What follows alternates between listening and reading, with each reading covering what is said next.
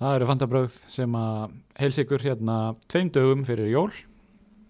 og við ætlum að gera upp tvær umferðir uh, jólavertíðin er komin í gang og he- heldur betur nóg að gera í fantasínu Það er nóg að gera í fantasíinu, nóg að gera í lífinu uh,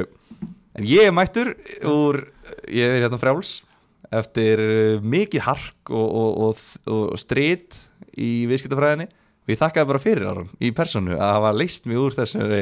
hvað segir maður, þessum þrældómi Já En það er að skila sér það ekki?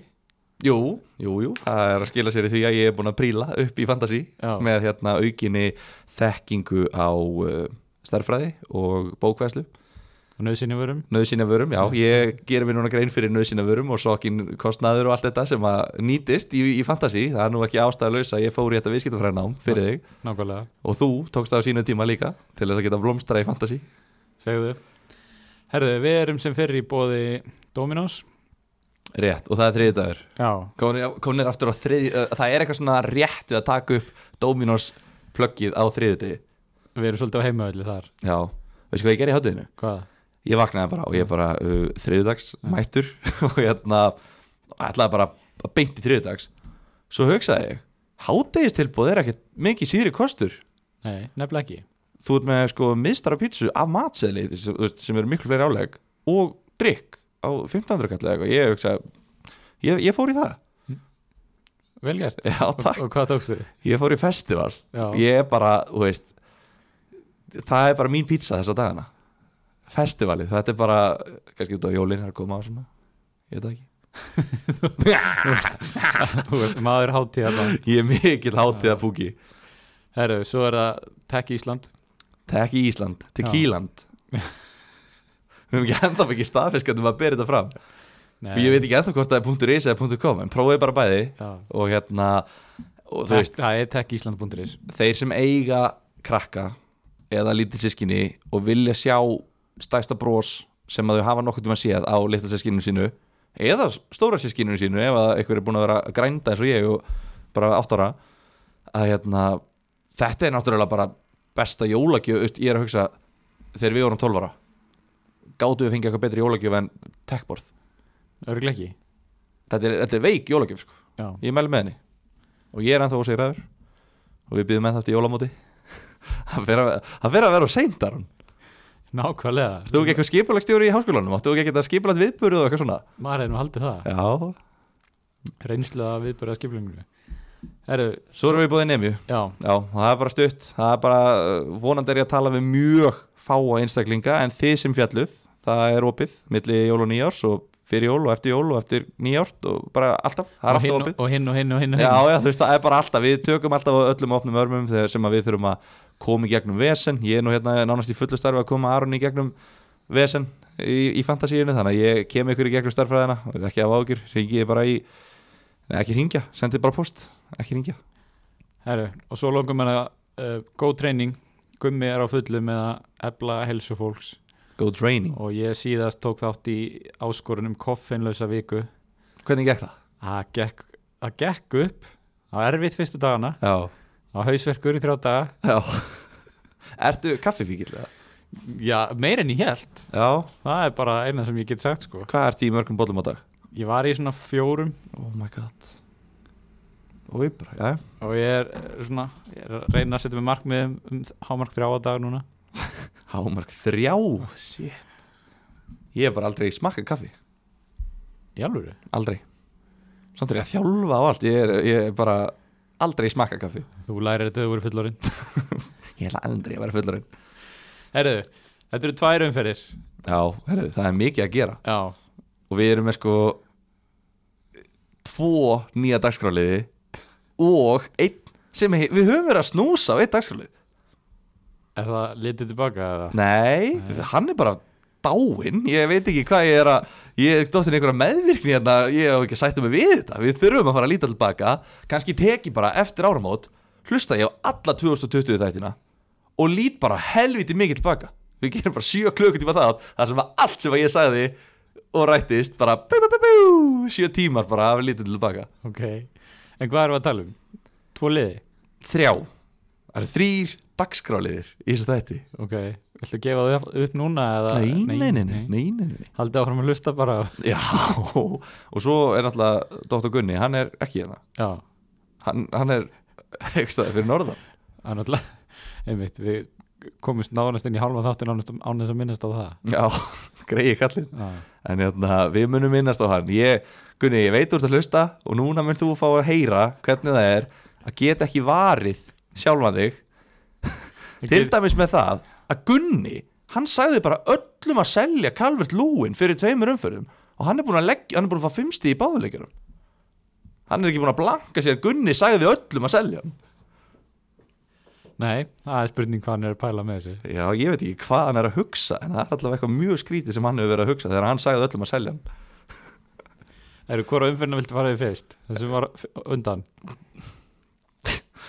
Ég var að, ég var bara að gleyma hvernig hún gekk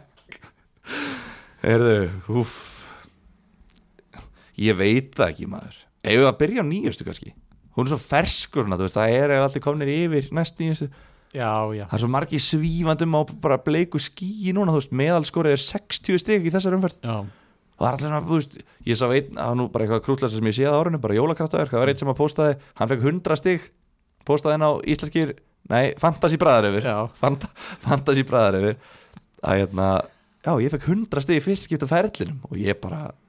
ég þurfti bara að fá, taka moment sko. Hann brotnaði niður já, ég fór bara að sassi þessu og bara náði pappi sko. ég var bara, þetta var ekkert eðla fallegt Nei, Þetta er mjög fallegt Herðu, byrjum bara á hérna smá update og liðinars Gunna, eða ekki? já, Hann fekk 79 stig Bruno er kaftin með Grílis, Sala og hann er með samtals 0 stig fyrir vörnina sína í alvörunni shit, hann ætla nær ekki í lið að hérna, má ég sjá það hann, hann er með Rhys James, hann er með Kúfal sem er farið eitt svo spilaði langt í ekki þannig að hann farið eiling inná með mínus eitt Ja- jafnar þetta út Jesus Christ Sko það er al- nógu þreytt að fá 0 stig en að fá mínustig fyrir leikmann sem spila 90 mínútur og fær ekki guldspjald eða raukt eða skora sjálfsbrekka eða neitt eina sem að gera var að mæta í vinnuna og bara gerir sitt besta já, það var mínus eitt Shit Já, sýnir okkur bara enn og aftur hvað er mikilvægt að vera með góðan bekk en við svo sem það er samúðu kveðjur að hérna Korki Lamti nýja Rístíðin spiluðu sem eru núna, almennt fastamenn í sínum liðum. Já, svona er þetta En Ég ætla nú ekki að læja neinum, ekki áður en við fjöllum liðið mitt en hérna þú átt víst að byrja Já, heldur betur 88 stig, ég tók þetta mínus fjóra Ok, hvaða breytingar gerðu þið? Ég gerði þess að ég náttúrulega tók sko ég gerði held ég þrjár breytingar maður sjá, já, ég gerði þrjár breytingar fyrir þar síðustumferð og svo núna gerði ég tvær, ég tók mínus fjögustu, ég tók út Diego Jota og Bruno já, heyrðu, ég seldi Bruno fyrir þess umferð ég var að fatta það núna ég, ég er búinn- Varst ekki búin að vatta það? Nei, nei, ég, ég var ekki búin að fatta það Ég var svo ánæður því ég keifti sala Já, Ég er að fatta það núna Ég, ég hefði reyndar aldrei kaftina Bruno held ég Nei. Út af því ég hafði ekki Ég eh, held að hann sé að fara inn í núna Dry season eða dry, Jú, dry tímabil Já. En hérna ég, ég, Já, ég seldi Jota og Fernandes og ég keifti Susek og Sala ok og ég var ekkert eðla reyði náttúrulega að Sala var á bekknum og ég bara ert ekki að grínast tók mínus fjóra til að fá eitt stig svo bara kemur hann inn á og skora tvö og leggur upp eitt og fær 16 stig sem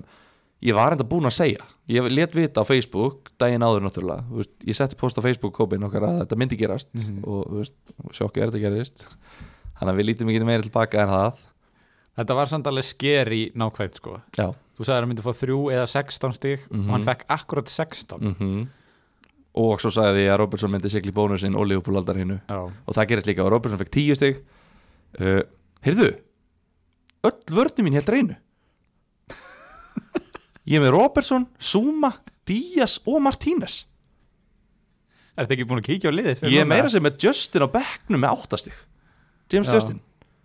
þú veist, Díaz fekk þrjú bónustig Sala fyrirlið, De Bruyne lagði upp Galvert Lúin lagði upp uh, Jamie Vardy Já, það var nú mjög gaman að sjá mark og assist og bónust hólfstig á mútið tóttina mútivelli þetta er svona þetta er fáralegt að vera með hann ég er þetta með Curtis Jones, ég kefti hann að um daginn hann er þetta með eitt, Maris á bekknum er líka með eitt, þú veist, ég var bara með átta leikmenn sem byrjuðu inn á og með þrjá miðjumenn sem kom inn á á bekknum Jones, Sala og Maris þannig að já, en 84 stig með mínustigum og, og við getum orðað þannig að príli lifir árum ég er komin upp í topp 792.000 til hafingi takk fyrir það, ég er búin að príla 2 miljónir á einhverjum 5 umförum eða 6 þetta er geðvikt það er drullu vel gert og samt er sko þú veist, 800.000 það er samt bara það er ekki einu sinni gott en, nei, nei en samt úr því sem komið var Já, Það voru mjög algjörlega, sáttir. ég meina, og við erum svona marg búin að fara yfir það er, þú veist, margir frábæri fantasítjálfar sem er að eiga mjög erfið tímbil já, og voru bara og eru í kringum þrjár miljonir já þannig að hérna, og líka, við erum líka að sjá þú veist, það er miklu léttara núna finnst mér að príla heldur en vanalega að hvaða leiti bara að því leiti, mér, mér finnst ég verða miklu meira varu bara já, ég hef ekki eina góð umför og ég prílaði bara um 500 úrstu eða eitthvað Já, Þú veist, það var einn sem ég fekk sko 100 og eitthvað stig held ég 100 eða 105 hann fór bara upp í sko 32.000 upp með einhver miljón sæti, ég veist ekki að vera hægt sko, eða þú veist allavega, það er allavega mm, þú veist, þú þarf bara kannski nokkur góður umferðir mm en þú, hvernig var þín? herru, ég hef oft verið gladari, sko ég átti náttúrulega ágætis umferð ég fekk 77 stig Já Hvað meinar þú? en uh, þessi umferð og reyndar síðasta engendust af enn einu kaftinblanki Já, alveg rétt og það væri nú hægt að gera heila sorglega jólamynd um hugsaðin sem fóru í gegnum hausinu á mér þegar ég var að velja fyrirliða fyrir þessu umferð Hún er því mjög sorgleg að ég var a- búinn að harða ákveða að kaftina sala mm -hmm. og svo fóru að berast einhverju orðrómar uh, á föstaskvöldið um að hann er því bekkjaður Og ekki bara orðrumar, það kom bara tvít frá gæja sem hefur nellt liði núna bara nokkur skipti í röð sem sagði bara að hann er þið bekkjaður basically bara staðfest og hérna ég og Gunni fórum að stressa hvernig annan út á þessu, það var þetta ærandi þögn frá þér á grútsjátur okkar Já sem var hérna sem að var ekki var ekki næs fyrir okkur svona. þú átt að vera okkar maður í liðbúmálum en þú bara helst spilum þetta að þér og, og það er bara eins og það er en hérna, Veist af hverju? ég, ég svona ímynda mér það Ég var bara steinsofandi Mhm. er það? Já Svo bara vaknaði ég Já. og sá bara að Sala var á bekknum Gæinn sem ég tók mínus fjóra Ég var brjálaður en það líka þegar sá leikur byrjaði var ég bara, ég, þú veist yes, bara, ég breytti ég, þú veist, I'm the master Einmitt, bara, einmitt en ég, Ég er náttúrulega- geitinn í Já. leiknum En já, ég sem sagt svo þegar ég var búin að ákveða að taka bandi af Sala þá var ég að velja milli Bruno Fernandes eða Son og þarna var ég nýbúin að setja bandið á Bruno og hann var búin að eh, blanka í fyrsta skipti ever á útivelli mm nýbúin að fara í gegnum kaftin blank með honum og var bara því miður, brendur af því og setti bandið á Son þannig að ég fekk fjögur stig fyrir fyrirliða minn aðra umfyrir nýröð Þetta er sk- grátlegt Þetta er ekkert nema grátlegt En það er ég búin að vera bara í snörunni bara í heila vik Ég er bara að melta bara, hvað þú er að gera Þetta er hrikalegt En samt segi ég, ég fekk 77 stig ég er með Sala, Bruno Carlo Wilson með nýju stig Eh, Hann er segur, Já, hann er nefnilega segur hann er bara stuðugt að delivera Já, Mér langar í hann og hann eiginlega kemur svona svolítið að öllum mörkum sem að Newcastle skorar, af því að ef hann er ekki skoraði þá yfirleitt leggur hann það upp Já, En Hann er svolítið að skila bara í hverjum leik svo er ég með Cancelo og ég tók Ederson í markið Já þú tókst hann í markið Yes, okay. þannig að hérna það datt inn double clean sheet hann á mútið sáðandun, ég var reyndar í hjartastoppi nánast bara að horfa á hann leik Já, þú, var, þú varst í hjartastopi Já, ok þetta var mjög stressandi af því að sáðandur bara sóti og sóti Já, og já. drullu góður Jay Adams, mynd, þetta var svona good old Já. Jay þarna Hann var bara út um allt og óð í færum og stöðum en bara gat ekki skora en já, þannig að hérna uh, og svo reyndar mánudagurinn var hörmung þar sem að ég er með Rhys James og Ben Chilwell sem eru vanalega að starta alla leiki í Chelsea fengur samtals eitt stig Já, það er eiginlega sorglegt Því að James er meittur og Chilwell fór meittur út af já. Þannig að þú setur uppi núna með tvo meitta Chelsea vartamenn já, sem er samt svona rosalega óljóst Þú veist, Já, þetta er svona pyrra, þetta gæti verið að þú veist, þú gæti mist gætu báðir verið frá í þrjá mánuði en gætu líka bara verið báðir frá í viku bara Þú ert ennþá með dönn ég er ennþá með dörr Býttu, ha? hann er ekki að fara neitt kallið hann Hvað er hann ekki komið niður í bara 2,3 miljónir eða? Örugglega. hann er bara, þú veist, Ha? hann farið að bæla hann í öðrum gjaldmiðli bara Býttu, hann er hvað, 3,9? hann er í 3.9 Já, ok en Hann er hann og svo ertu með Bellerín svo er ég með Bellerin sem að spilaði ekki og þannig að ég fekk engan inn að bekknum fyrir Rhys James Hann þú ert með Varnarlínan þín spilaði 100 mínútur Já. 5 varnamenn já, Það var eitt sem spilaði meira í 10 mínútur Ég myndi segja að það væri vandamál vissulega Út af því að Stórt. allt hitt er bara toppurinn Eða þú veist, þetta er bara dröldu frábært. fínt sko Já, þannig að eins og ég segi, ef að ég væri með greindavístölu harren stofuhitta og kynni að velja fyrirliða einu sinni þá væri að ganga Stofuhita væri að ganga tölvöld betur í þessu Ég myndi segja bara herra en Herra en bara uh, Þumalpöta já, á hæra hundinni þinni ég myndi, ég myndi ekki fara svo hátt í stofu hitta þú, þú, til það allt og hátt já, mm. stofu hitti getur verið helviti mikið það er 25 eða eitthvað já, Þú veist, það er bara ég eða Gunni þú ert ekki þar nei, ég veit það ekki ég kann ekki á svona grinda Nei. þessu tölu en herru, auðvitað að fara yfir það sem gerist í þessum umferðum með já, þú veist, umferðin þar á undan hún var viðbjöður og þú veist, það já, þú veist, ég tók hérna mínus fjóra ég tók mín í velkart og þú veist eh, seldi killmann og eitthvað svona ég, þetta var bara svona jólarhingetning hálkir og það var einhvern veginn ekkert me- mikið um það að segja, jú, jú veist, tölum, tölum bara um hvaða leikir voru þetta aftur þú veist, þetta var Vafbja City nei, Vafbja, nei, þetta var City Vafbja já til dæmis og ég var með þetta bráinu sem fyrirlega eins Hann- og, eins og rosalega margir já, bara no-brainer, Já. heima á móti Vafbja já, og hann fær tvö bónustig í eitt eitt jafntöfli þrátt fyrir að skora ekki að leggja upp og hel- held ekki reynaði neitt mm það er hversu bilar hann var algjörlega þannig að þetta var bara Það lagði upp að tvö nákvæmlega eins dauða Já. væri á loka myndinu nákvæmlega eins dauðafæri og ég bara tjúlaðist þetta var svo þreytt í alvegni og bara Díaz, ég kefti, já, ég tók nú náttúrulega mínus fjóra kefti Díaz og hann skora sjálfsmark Já, og fær núlstig og þú veist það gekk ekkert upp hann einmitt, ég tók Ederson í marki fyrir hennar leik og ég, þú veist ég trúðis ekki, þeir Nei. sá þetta sko þetta var helvítið þreytt sko misti en, double clean sheet hana Já. en sko, þessi umferð hjá mér sorry, svo ég grípa þessu inn í Mhm. þetta voru þrý dagar, þetta voru þriði dagur miðvíku dagur og fimmtagur Já. og hún var mjög kaplaskipt hjá mér Já, þriði dagurinn, hræðilegur það sem að ég var með bara öll vörnum mín og markmaðurinn voru Já. þarna tvo, tveir í Chelsea og tveir í City og ég misti bara tvö double clean sheet sem að, þú veist, jú, jú ég, svo sem kannski ég reiknaði alveg með að Wolves myndi skora en ég reiknaði alls ekki með að Vafbi A myndi skora á Etihad einmitt þannig að það var, Líka bara, þú veist, að Vafbja skori sjálfsmark eða þú veist, að City skori Já, sjálfsmark og eitthvað svona þegar að þeir hafa bara ekki fengið á sig mark á móti þessum liðum einmitt, og þú veist, Wolves jafnar með rángstöðumarki sem að var dæmir ekki af út af því að bara, út af bara það sem ég er búin að vera að segja bara þú veist, þetta eru bara ansi margir, bara vanhæfir gæ- gæjar þarna og, og það ljómar alltaf eins og maður sé bara að bulla en, en, en það, maður er ekki að því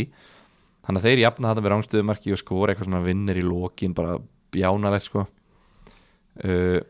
hvað er meira þarna? og svo, svo átti ég nefnilega frábæran miðvikudag, hann að Bamford skoraði, Son og Sala skoraði uh, og hvað meira um, að duttu allavega inn einhver, einhver stíg hann sem voru kærkominn og svo var það fimmtudagurinn þar sem ég var náttúrulega búin að horfa upp á mjög marga uh, ganga ekki vel með De Bruyne sem kaftin og, og hérna sá mig gott í glóðurinnar með Bruno sem hefur aldrei blankað útvelli á móti á svipustrákunum móti sko langlegasta liðum deildinni en hann fann það í sér að að klikka hana ég sko, hann blankaði þegar að mannum skoraði þrjú mörg já, ég bara efast um að það muni gerast nokkuð tíma náttúr nei ég held bara ekki þannig að hann blankaði þarna, þú veist, Bamford skoraði bara eitt mark í 5-2 sigri, þú veist, það var heldur þreytt líka, Mhm. ég var ekki með Sala og hann skoraði uh, og Son skoraði líka þetta, þú veist, að ég veit ekki, það var bara það er ótrúlega skrítið, ég held líka bara að hlustundur nenni ekkert að vera eitthvað að fara of mikið yfir umferð sem var fyrir viku síðan, þú veist, það er komin önnur umferð og það er alltaf búin að move on en, þú veist já, þetta var, bara, le- þetta var líka bara lélega umferð já, fá stig, ég fekk Average var 40 hvað? 42 já, ég fekk 41 já, og mínus 4, þannig að þú veist, ég droppaði aðeins ég var með 48 þetta var bara fínt, en hefur ekki bara r- talað aðeins um nýjastu umferðina Jú. ok, nýjastu bestu nýjastu og bestu já, við náttúrulega vorum að tala aðeins um eða, með, með Sala, þú veist hvað hann kom öllum á orðum, en þú veist, manni skoraði líka og lagði upp já, Uh, Fermino að vaknaður já, búin að skora núna þrjú og leggja upp eitt eða ekki í tveim jú, leikjum. jú Það- sko, hann lítur helviti vel út og bara, ég veit það ekki þú veist, maður er alltaf að reyna að tengja eitthvað svona, þú veist, hugsa eitthvað svona ú, þetta er með, eitthvað, en, ég meina, Diogo Jota er mittur, Mm. og hann er bara off núna þú veist, það var eitthvað að vera að hóta því að fyrir mín og væri bara bú, hann skorur ekki nógu mikið hann, hann, Jota er bara nýju fyrir mín og fyrir mín og bara, þú veist, menn voru bara farnir um að segja að hann mætti bara að fara já, bara nei nei þannig að þú veist núna kannski líður honum aðeins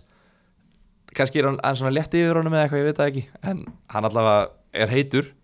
mér finnst ekkert kalið að kaupa hann í fyrsta skipti í tvö ár mér hefur fundist kalið að kaupa hann alltaf Mm. en núna er ég bara nei nei þú veist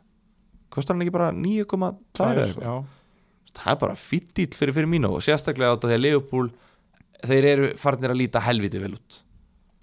þeir eru það, náttúrulega vinna 7-0 það er ekki eðlilega tölur Nei, þær eru það ekki og við, ég talaði um þetta í síðasta þætti þá talaði ég um að þú veist, þetta væri svona kaplaskipt þú veist, þeir rústa Lester, jafntöflu við Brighton rústa Wolves, jafntöflu við Fulham og vinna tóttinam á 90. mínútu og rústa Krista Palace þetta er svona, þú veist, þeir eru komni mú- núna með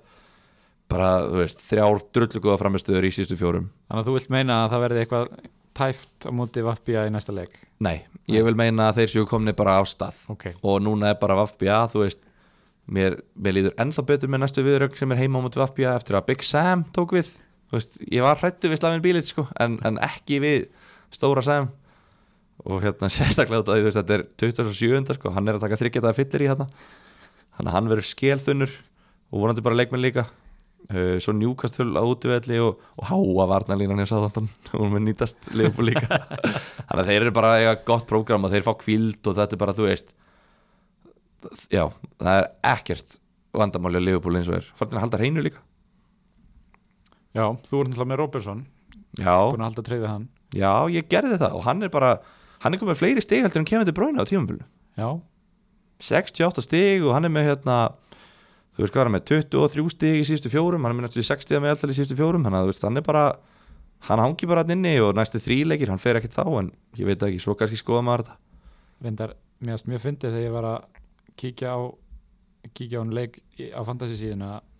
þá voru sjö leikmenn sem átti stóðsynningu hjá Liverpool Heru, já, Það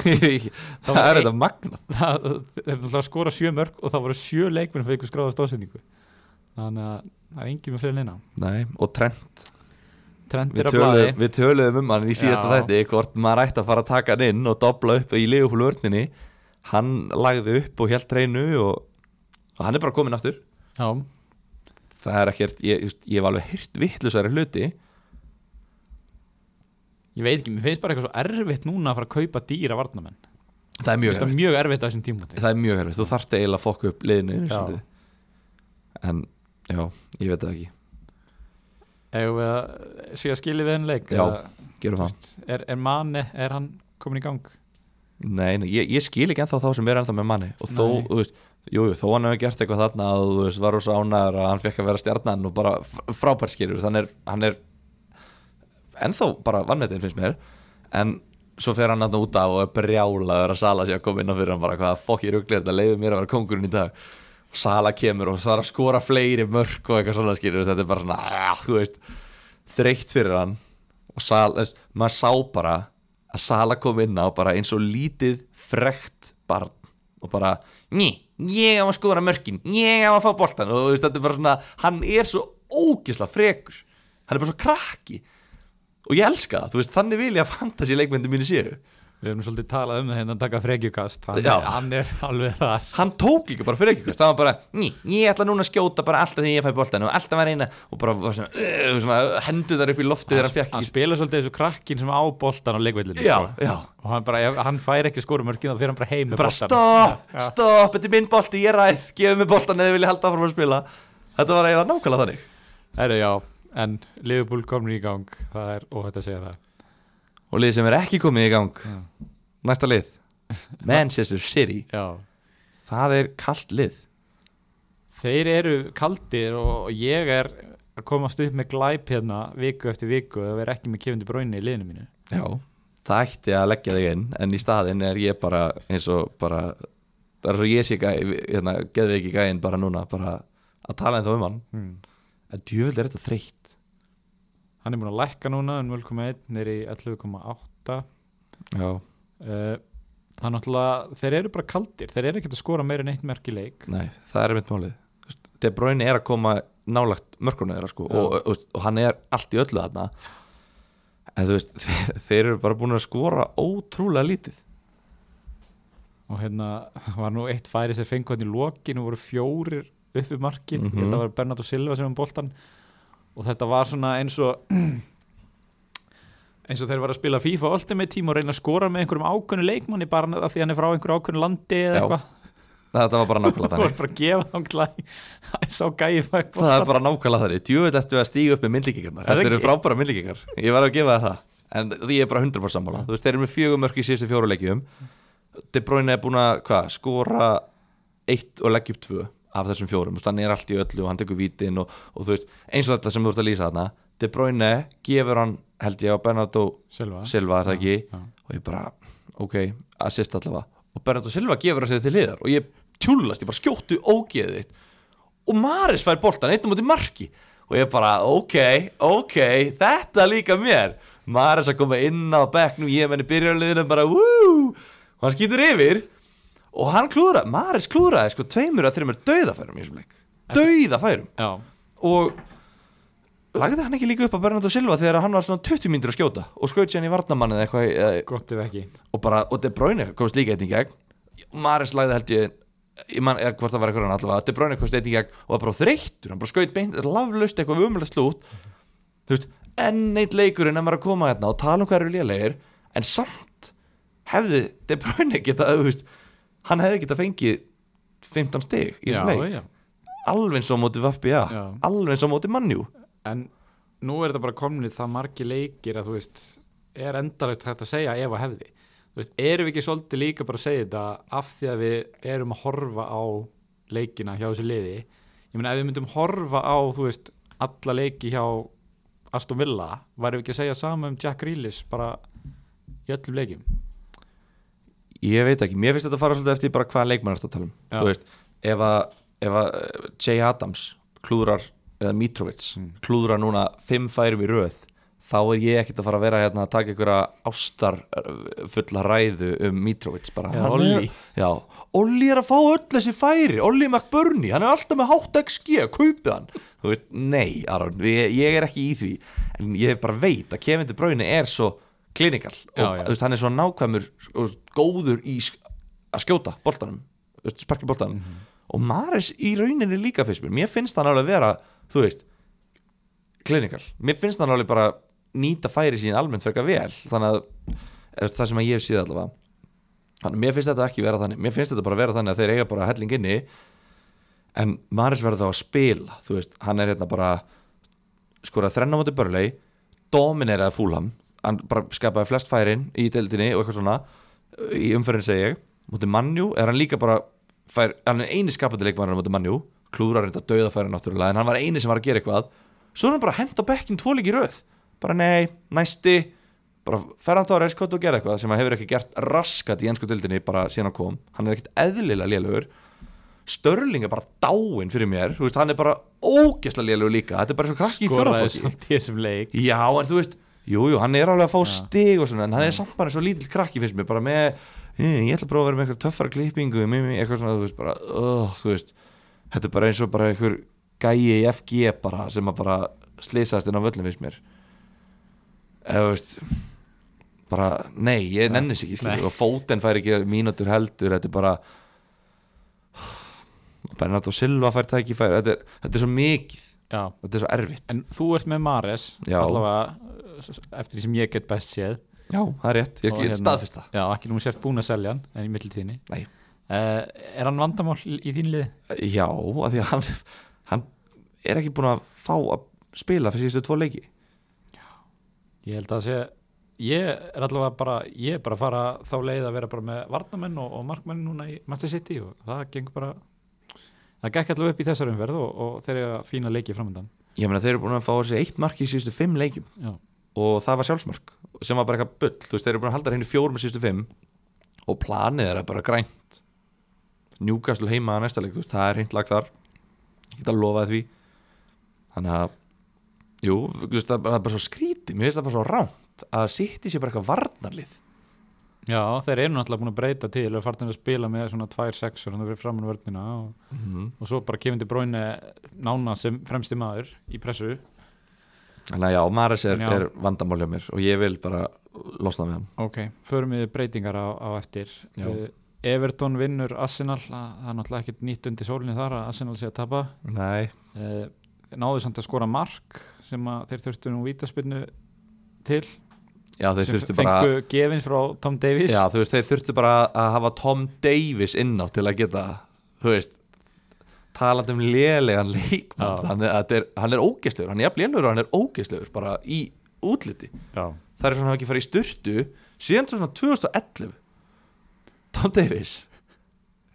Já, þú, veist, með, þú vilt meina það Vilja, ertu ósamála? Hefur séð mannin? Já, hann, na, maður hefur séð betur lukkandi Eða, menn, sko. Þetta sko. er bara svona skítuasti gæði sem ég hef hitt á ævinni, sko eða þú veist, sem ég séð bara En þú Já. veist, ekki það tengist fantasy neitt Nei. Þú veist, það tengist ekki neitt fantasy Ég bara skal taka til klippum klippum þetta bara út og það er bara óþara, óþara punktar en, en hérna, en já, þú veist, Everton vinnur Gilvi Sigursson leggur upp drullu góður Já, hann er að finna sig, Já. hann er bara komin í tíuna og bara frjáls, frjá- frjáls rulla og 6,8 miljónir og þeir eiga svipustrákana næst já, Sheffield United það er þetta leiðalegt ef að, ef að Hames er að koma tilbaka þá náttúrulega hlýtur Gilvi að missa föstuleikadregin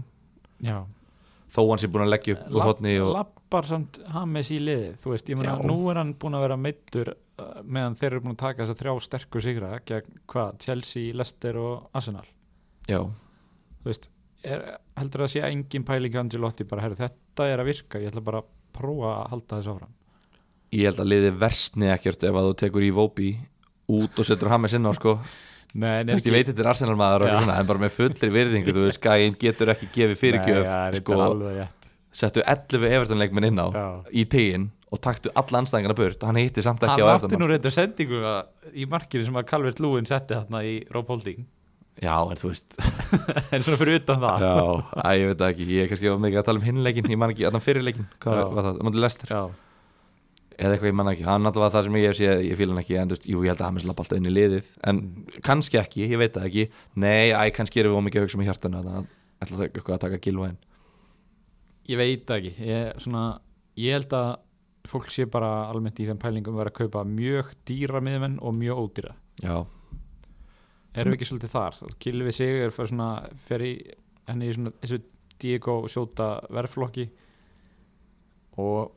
fyrir utan Sheffield leik þá svo ég, eftir það ég er náttúrulega með þess að sitt í Vestam, Wolves, Aston Villa þetta er svona ekki, ekki þægilega leikir nei, og líka bara út af þetta jólatörnin og maður vill bara vera með leikmenn sem eru garantirar Já, ég myndi alltaf punga út einni miljón aukala fyrir grillis Til dæmis. Það er svolítið þannig Annars er er eitthvað meira úr þessum leik þann, þú veist, já, bara Calvert Lúin hann er ekkert búinn þú veist, hvað er Gunn að segja hann, þú veist, ok, í fyrsta lagi þetta var eitthvað ljótasta fantasystig sem ég, þú veist ég vil bara fara núna í það að gera highlight úr síðustu átta leikjum hjá, hjá Dominik og bara skoða stíðin sem hann er búin að fá þú veist, þetta assist er ógeðslegt vítið sem hann fekk á móti Chelsea Mendy sem er búin að vera frábær bara misti heilan breytist bara í orðir í markinu og bara gefur eitthvað heimskulegt víti þú veist, skallabaratan á móti Lindelöf er ógeðslega líka sem að, þú veist Þú ert ekki ennþá samfærar um að hann hafi snett ég, boltan ég var ekki í þeim þætti er það nokkuð Nei, leiklega ekki ég fekk ekki að taka það til dæmis það var ekki bara sull Aron, það var ekki fantasístig sem hann átt að fá og, og ég get aldrei bara áfram eiginlega sko, þú veist að þetta er bara, þetta er ógeslegt hann er ógeslegur fantasíleikmaður, en þú veist flott, og hann er búin að blanka tvísvar á tímabilinu í 14 umfyrum Já, ég er með plan um að selja hann eftir séfildleikin Hvernig lístur það? fáránlega Já. hann er búin að blanka tvísvar í sérstu 14 umfyrum En er, er það nóg frá leikmann sem kostar eh, 7,5 7,9 að, að fá 5 stygg alltaf? er það nóg? Já, Já Mm. Hm? Ef hann er að skila stigum í hver einstu umverð og þú getur bara haft hann og bara ekkert pælt í honum á 7,9 og þú keiftir hann meira að segja á sko 7 eða eitthvað Já, ég- Sala, Sala er búin að blanka þrísvar á tíumbölinu De Já. Bruyne, hann er búin að blanka sko tvísvar í sístu þremuleikjum eða svona eða, þú veist, eiginlega skil Já. já. já, ég veit það ekki sko þú veist, ég, ég bara ég viðurkenni, Gunni er ekki eini sem var að tala um hérna að selja hann og hann var í búin og svona, ég er alveg búin að taka undir að með honum eða þú veist, ég er ekki búin að mótmæla því já, ég, ég er búin að, ég held hann myndi til dæmis taka hérna Chelsea, Everton og Arsenal og ekki gera neitt, hann er þetta ekki búin að skora en þú veist, ég veit það ekki en svo er þetta svo ógæslega ljótt að mér líður að þetta sé ekki sustainable hjá honum já, ég veit það ekki, ég ætla ekki að tölum um þetta eftir Sheffieldleikin, hann Já. allavega verður ekki seldur í neinu liði fyrir þennan leikum á þetta Sheffield sko. mæ uh, Já, Newcastle gerir síðan jafntöflið fúlam 1-1 í kvöldleiknum á laugardaginn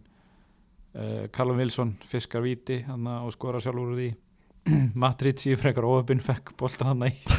fjesið og inn þetta var þetta var lúðalegast að sjálfsmark sem ég séð bara svo lengi hann, stó, hann hafði svo tíu sekundu til að átt að sjá hvað bolti var að fara að gera og hvernig Já. hann myndi skoppa heldur hann sé svona gæi sem að þú veist, hefur ekki spilað fótbolta með einhverjum sem er einhvern veginn bara alltaf að fá boltan í pungin Jú, og bara einhvern veginn alltaf að fá boltan í andliti og það er alltaf að stoppa því að hann er eitthvað með sig og svona hann Heldur virkar satt ekki á mig sem þannig gæi Nei, Þú veist, þetta virkar á mig sem svona gæi sem að bara þú veist byrjaði í verkfræði í HR og, og fór svo bara í fótbolta eða þú veist já, en ég veit ekki, ég sé ekki hvernig einasta njúkastuleik kannski er ég að miskila kannski er hann alltaf að þú bóta ert ekki límdur nei, ég er ekki límtur við skjáin þegar að strákunni Steve Bruce Nei. sína listu sínar nei, þannig að hérna, ég veit það ekki en þarna í þessu leik þú veist, það er bara einn leikmaður hérna inni og það er Callum Wilson já, og hann er bara að styttast í að vera bara að kaupa fyrir mér já. hvernig ég prógramera þeir eiga þetta ræðilegt program í næstu Mm, þreim já. þeir eiga Manchester City, Liverpool, Leicester mm, ok, ok, en gleymum því eftir það eiga þeir svipustráka, fátaka og ríkamannsins Sheffield United og Arsenal já, og svo Leeds, Everton, Krista Pallas og Andan þannig að ég var nefnilega er alltaf að plotta og ég var með eitthvað plott um að selja núna og hérna selja hann breyta honum í dauðan leikmann og geta þá tekið Kane í staði fyrir Calvert Lúin Býttu, selja Callum Wilson og Calvert Lúin og Já. kaupa Kane og eitthvað annan Já, og bara, þú veist, Davis eða einhvern, mm. dauðan leikmann Ok, uh, ég er semi búin að hætta við já, að því leiti til að ég er eitthvað sem er að reyna að halda Callum Wilson og bekkja hann bara í þessa þrjá leiki ok og, og leif hún svo að spila hana þessar næstu fimm eða sex sem koma þar á eftir Líka sko, annar punktur með þetta er að hann á hérna, þetta er umferð 15, 16 og 17 sem eru vondileiki já, Umferð 18 og 19 eru svolítið öðruvísi já, og við ætlum að tala eins um það á eftir það er blank gaming og, og tvöfald umferðun og allt það Vi, Já. við tökum það alveg sér í sér kapla á eftir mm en já þannig að uh, en ef ekki bara segja þetta fínt af þessum leik Jú, þú veist, það það er er ekkert meira um þetta að segja sko. Nei. fúlam bara eru að sækja í sig veðrið Þú veist, þeir eru bara að vera betri og betri með hverjum leiknum Já, bara, sa- við erum búin að segja þetta allt tímabilið, þeir eru ekki eins lélegir og, og þeir voru, fólk heldur þeir voru náttúrulega rottalegir hann fyrst Já, en þú veist, já já, samt ekkert eitthvað svona skelvilegir þú veist og- en, en já, þú veist, það er bara óbreytt með fúlam Já, og næsti leikur er bara ennþá minna að tala um, það er Brighton Sheffield Þú veist, það er bara, ég veit ekki hvar landa ég er, hann er eitthvað starf að fela sig já, King Welbeck kemur inn á hana og skorar já, Er það ekki uh, Bjargar Stíi á með en Ol- Olli Börk var búin að klúra hann að dauða færi rétt á þér til að koma Sheffield í 2-0 já, sá er heldur betur hann var illa við að skora mörkin já, já af hverju ætli af hverju ætli það sé Aron Heyrðu, við þurfum að taka það núna við þurfum að taka það núna það er komið að það er komið að Olli, olli, olli, Það er Olli hotnið olli, olli, olli, olli. O-L-L-I-E, O-L-L-I-E, O-L-L-I-E. Olli, Olli Ég var ég var búinn að gleyma þess að svo langt sín ég setti þessi í stúdíu og tók þetta upp Ég hætti þetta í bakgrunn Ég var bara stoppaður um daginn, bara um helgina Já. Ég var bara stoppaður og bara, út á göttið það já, já. hvar í fokkanum er Olli hotnið? Ég bara, heyrðu, wow, ok, ok Það er Olli hotnið í næsta þetta Fólk er brjála, sko já, ég trúi því Trúir því já. Þú hatar þetta hotn nei, ég hef aldrei sagt það Segðu satt, Já. verður bara hreinskilinn 1.10, hvernig finnst þér þetta hotn? ég er bara svona 7-8 ég er bara, þú veist Já, ok, það er Gunni sem hatar þetta já, ég Gunni náttúrulega, hann hefur sterkar skoðan hluturum Já, hann hefur stökkar sko já leifar ekkert hvað sem er Nei, nei, nei, það er þetta er ennþá í gangi þeir eru harðir þarna norðan sko Pæli, ég búið til 75 sekundar lag um Olli já, ég, 75 sekundur þeir eru nú ekki minni skilið Nei, ég en reynir þetta eh, félagarnir, Olli Börk og, og hvað heitir hann hérna í Sheffield? McBurney já, þeir voru ekki að gera gott mót frekar en fyrir daginn Nei, ég var eiginlega, sko, að þegar hann fekk þetta færa þetta Ég var eiginlega bara komin úr hæri soknum já. Og svo bara skauta hátt yfir fólk er nefnilega að kaupa Olli Börk, verið þurra Já, hann alltaf, það voru svo margir með hann já, í byrjun já, Og svo, lakkaðan er í 4,3 ár já, út af því að menn sáu að þetta var ekki alveg draumurinn sem það held að þetta Já. væri og þá voru margir sem selda hann og þá f- lækkar hann niður í 4,3 ár og 4,3 ár fyrir spilandi miðjumann mm. þú veist, ég er með Curtis Jones á 4,4 út af bara, þú veist, hann er að spila og, og hann er að spila framalega í góðu lið þú veist, hann getur alveg áttið inn, þú veist, Oli Börk er ekkit öðruvísin en það, hann er að spila frammi og lagði upp í síðasta leik og eitthvað já, náttúrulega munir bara Curtis Jones er í liði sem skorar sjömörkileik já, meðan að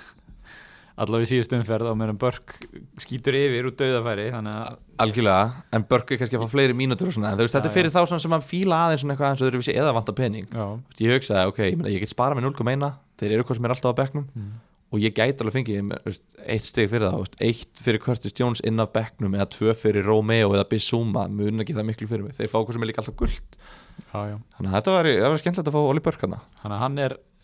það er bara steytist í að hann var að hækki í verði ótrúlegt að segja það eftir þetta þessa auðmíka framistuðu já en uh, herru, hvert voru við komnir í þessu hérna? við ætlum nú að hætta að tala um þenni leik bara sem fyrst Eh, helst í gær, sko. rétt. já. en hvað er Lamdi, veistu það?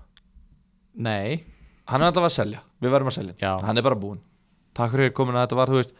það var feit pæling sem gekk upp það er ekki dreittar en, að- en að vera með leikmann sem að er bara allt í einu ekki í hóp Já. á leikdag svona sem aðtýp, já, bara eða, hverfur eða ég lendi í hann með Vilfríð Saha eða Já. þú veist, hvað það heitir sko Óþólandi Herru, Tottenham Lester, já, stóru leikur já, Tvö meistaratöldar lið að berjast voru þið ekki öðru og þriðja þegar leikurinn var spilaður það. Held ég. Já. Og uh, Var þetta lélegasti leikur tóttunum á tímbilinu? Hann var allavega mjög keimlíkur fyrstu umferðinni þegar spila mútið Everton já, þeir voru ömurleira mútið Evertun Já. Ég sá ekki þennan leik sko. Já, Ég fekk bara notification bara að Vardí væri bara að uppfylla alla mína drauma þannig að ég var bara helvíti sáttu með þetta og hann skoraði nú eh, sjálfsmark aldrei verild já, það var nú bara alveg svo að hann kallast lúin sjálfsmarkið það var bara ógislegt, bara skalli og í vatnamenninu myndi einn segja, þetta var nú meira sjálfsmark Boltinn var á leiðinni í raun og veru f- kannski ekki beint á markið þannig að ég var því kallast lúin var að skalla boltan í innkast sko. Já Ég- og Jamie Vardy sennilega líka sko, hann var eiginlega að skalla boltan frá markinu Já. það sem er, en það skiptir ekki máli Nei, allavega bara tvö ljóta sýst og við berum við ykkur fyrir því. Já. Ég er gaman að fá stig fyrir þetta þó þetta sé ógísleg. Ég er En Vardí er bara þessi leikmaður. Já. Mhm. Hann fær bara ógeðsleg stig. Hann er bara viðbjörnslegur. Já, og víti líka. Já, Orri er vítið þarna og maður er náttúrulega horfða þættina og var bara, svo, svo fær Or- Orri er tækifærið. Þú stóðist í byrjaði náttúrulega herribækurinn og maður bara, já, ok, svo horfði maður á þættina, já, ok, þetta er ástæðan fyrir Orri er ekki að spila. Já. Svo bara spilar hann og hann er bara orðin bara byrjanleismæður og hann er bara, að bara mætir eins og heilbröður í vinnuna bara, hann bara, bara að vinna vinnuna sína og ekkert eitthvað að þú veist svo bara fer hann í bara nákvæmlega sama pakka þú veist, þetta er bara, ég veit ekki hvað þetta er eins og Einmitt, maður heyrði bara klippuna í hausnum á sér Já. af Mourinho I am afraid of you because you give a shit penalty Já. anytime Nei, þú veist, eh, þetta eh, þetta er ekki fló, eh, þetta er, þetta er bara vinnan hans já, já. þetta er svona eins og þú ert með eitthvað, eitthvað krakka sem er að vinna í Elko yfir jólin og hann er alltaf að gefa fólki afslátt hann er alltaf að gefa sætustelpunum afslátt bara að, vill ekki fá 10% afslátt og, og eitthvað svona og svo kemur yfir maður og segir "Ei, nenn- nennir að hætta þessu þú, veist, þú, þú mátt ekki gera þetta já, já, ok, ok og hann kannski ha, gerir þetta ekki í tvo vinnunda og svo bara þeirri, hei, vill ekki fá afslátt Þú veist, þetta er ekki flókið, það er bara yfirmaðurinn er að segja þér, bara, heyrðu, nú hættir þú að gera þetta þú ert í vinnunni, ég ræð hvað þú gerir þú hættir þessu, hann getur ekki hætt þessu hann er gjörsalega skertur í haustu það, það er svo mikið að þessu manni wow, ég held að Mourinho sé alveg brjálaður hann er bara veikur í haustu Erum við að fara að sjá Doherty koma inn í liði ég veit það ekki, þú veist en það skiptir kannski einhver máli það er enginn að pæli að kaupa orði er hvað sem er það er kannski meira ef maður var að pæli að kaupa Dyer eða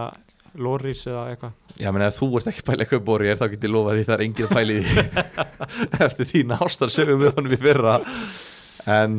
en nei, nei, þú veist tóttina vörninn, hvað er þið búin að fá þetta tvömer, nei, hérna, tvoleikiröð eða þrjá er ekki bara tvoleikiröð sem þeir eru búin að fá á sig Jó, ég mörg held að það var ekki assanleikun undan því Úps. Þannig að, já, Son og Kane blanka, hann að báðir þannig að Tottenham alltaf skora ekki mark nei, þetta var, eins og ég var svona líka búin að segja henn á Facebook en, já, en þú veist, það voru ekkert allir sem hlustu ég veit það, það voru sögumir sem að ætlu að soka mig og hafa Kane og Son báða en, en svo bara gerist þetta herru, Master United uh, flengir Leeds 6-2 Dallas skora fyrir uh, Leeds og Cooper það er kannski ekki stóru fjarnar Dallas og Cooper Já, McTominay, ég misti af fyrstu, hvað ég að segja, þrem mínútur á leiknum, á kveikt á honum og fyrsta sem ég sá er McTominay að renna sér á njánum, ég sagði, já, er hann að skora, bara strax í byrjun, ég bara, ok. Svo bara er ég, ha, 2-0, og hann með bæði. fáránlegt sko. Bara, algjörlega ógislegt og bara ég er þetta að vera, ég verð að vera sangjarn ég sagði þarna að Patrick Bamford með það fleiri stig Bruno Fernandes en hérna 17 stig og það var sokkur ég við ekki henni það en þetta er ekkert eðlilega þreytt að fá þetta víti þarna þegar að sko það var búið ákveð að taka Bruno út af já, svo það Martial að gera það eina sem hann er góður í í fótbolta, að fiska viti eina sem hann kann hann er, þetta er eitthvað lélegasti slúttari sem ég hef séð alla æfi en hann er mjög góður að fiska viti og bara sækja snertinguna og hann gerði það þarna og Bruno náttúrulega bara fekk viti og fór svo strax út af þannig að það voru óþarfa 5, 6, 7 stig sem að menn voru að fá fyrir hann eða meira út af að það voru svo margir með bandi á hann já, margir, ekki ég, ekki þú, En og ekki hérna- ég, ég selda já, En eru þeir bara komnir í gang núna? Já, þú veist, þeir, þeir voru drullu góðir í þessum leik þeir voru það, uh, vissu nákvæmlega hvernig þeir átt að að meiða lít sem að, svo sem, hlaupa allir alltaf fram, þannig að það er auðvelt að komast á bakvið á. En samt, ef þú pælir í þessu liði, þú veist, þú hélst alltaf að Leeds væri að fara að vera betri aðil en er það ekki í þessum leik Nea, þú veist, ekkert kannski betri aðalinn en, en veita mótspyrnu. Já, að ég veit ekki Þú bara, þú veist, Martial er búin að vera svo ógeðslega lélur Rashford er bara valla búin að sjást og bara Leeds eru búin Gerði að vera náttúrulega tvö mörk að það mútið Sheffield um, na- um daginn sann, Já, þú veist. Já, Við algjörlega. gefum honum það. en bara þú veist mannjú, þetta er svona, þú veist, þetta er svona frekar virkar svona frekar þungt lið einhvern veginn, eða þú veist, þeir eru með þarna Pogba sem nenni ekki að verjast, þeir eru með Scott McTomin sem ég er enda að fíla, Freddi svona eitthvað skrítin kall einhvern veginn og Maguire er alltaf bara eins og ég væri hann í hafsendinu bara, þú veist, bara tveir ískapar En Óli Gunnar, svo sem búin að fá hrós og við svo sem líka gefum honum það alveg, hann byrjaði með Daniel James sem að gerði vel í þessum leik, Já og það var bara frábær ákvörðun hljóp bara yfir þessa snúða gæja þarna í, í, í lýsverðinni. Já, já, sjóinu djúsa vaktinn Já. En ég ætla satt, ég verð satt að setja það líka á neður rekord að þú veist, ég verð að hrósa mannjú líka að þeir eru,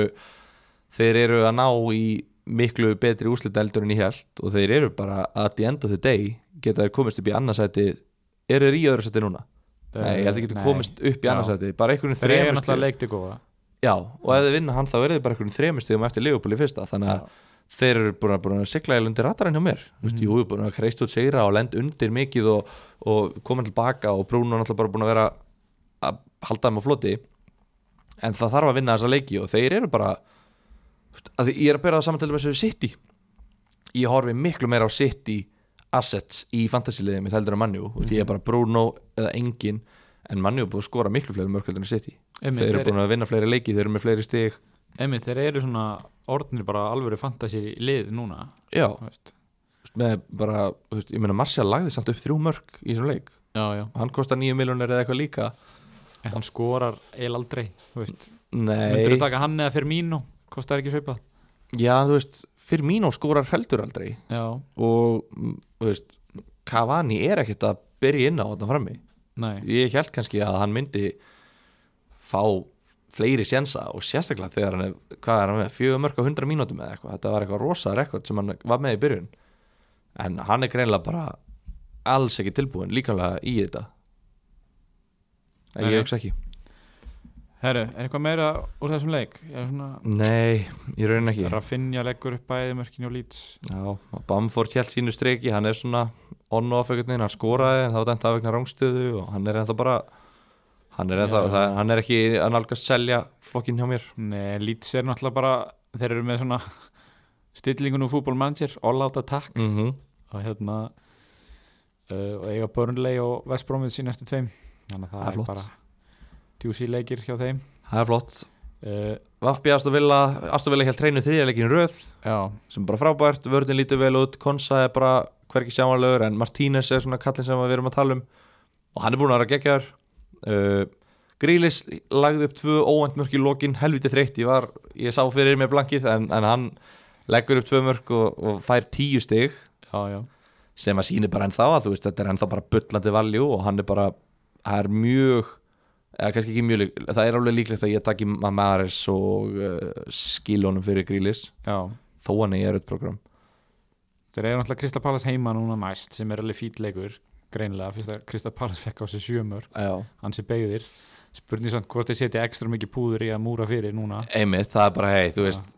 núna bara græfum við þetta Já. Nú bara, við verðum að, að hérna, spynna okkur frá botninum og eftir þá þá eiga Aston Villa að keppa við Chelsea, Manchester United og Tottenham þrýr svona frekar efir leikir en maður er samt aldrei að fara að bekka grílis Nei, og þú veist, hann getur skorað á mjög öllum sem liðum, Já. þú veist, Astafel, þeir eru með góða skyndisjóknir og bara, þetta- þeir, get- hann getur skorað á mjög öllum og svo liðum kannski það sem meira er að eftir þessa þrjá leiki þá eiga þeir meira að minna þægilega leiki fram að umferð bara 31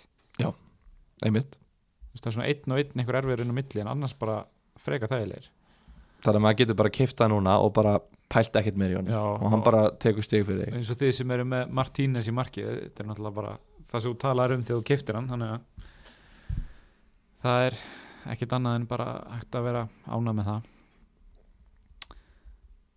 Herri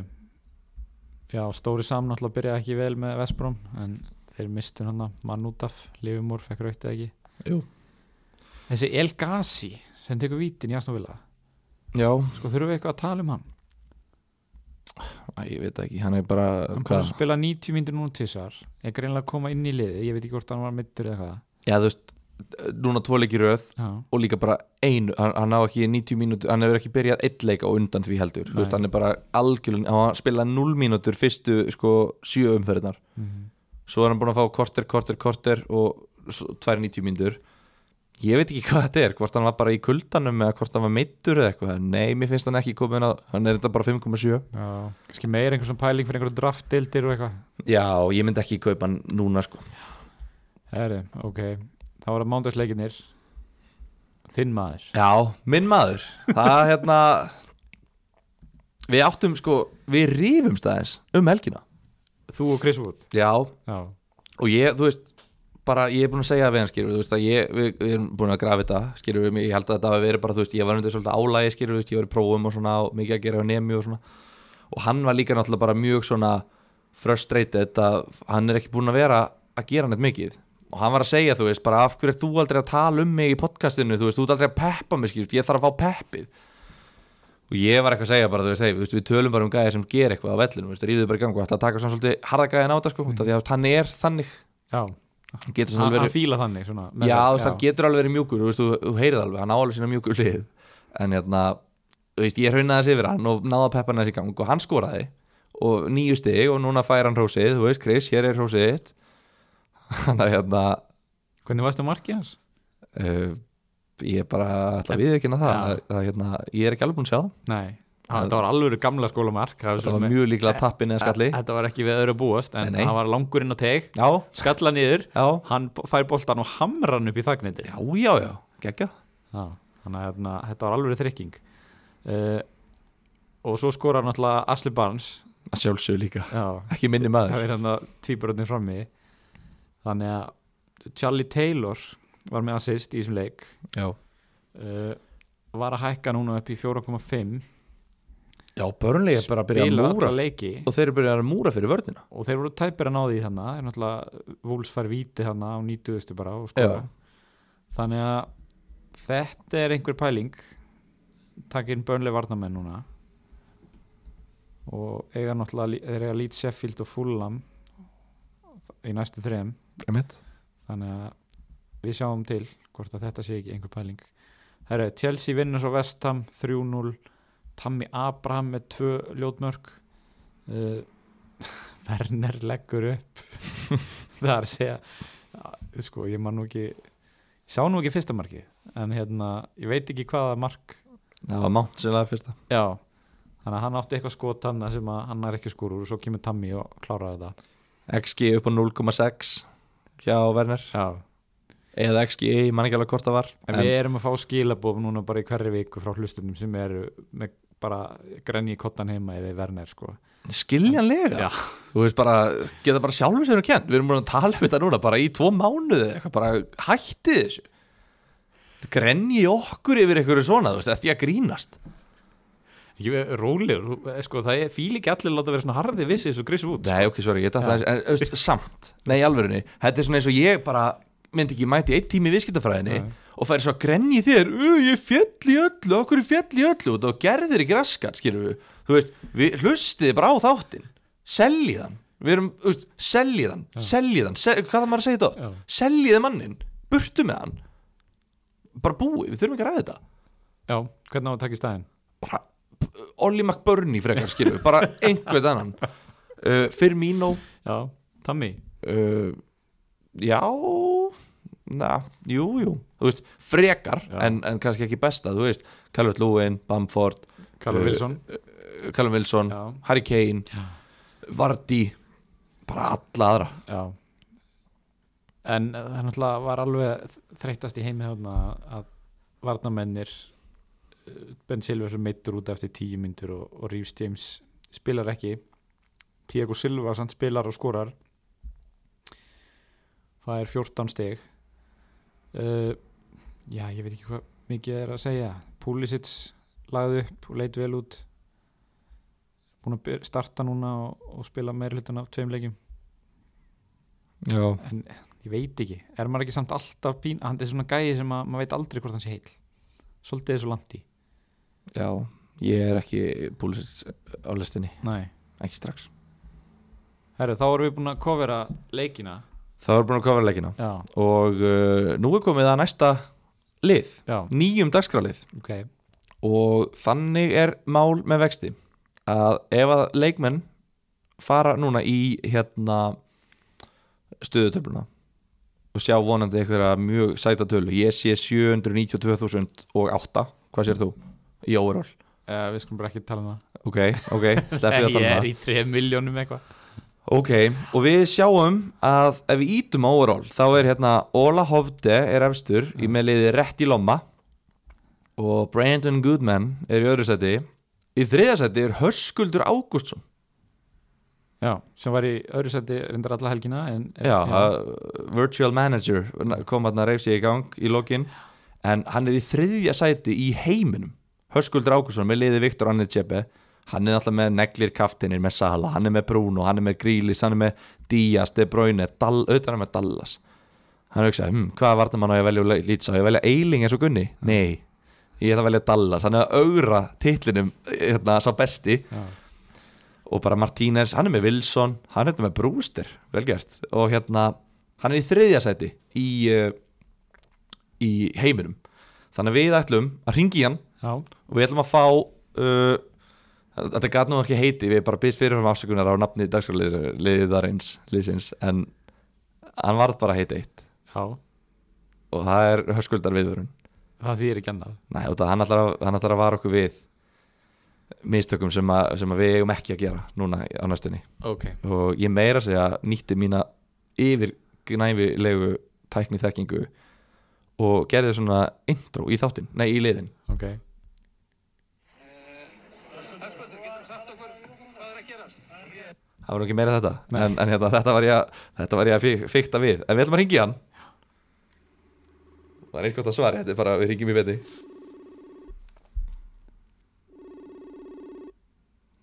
frábært útvarp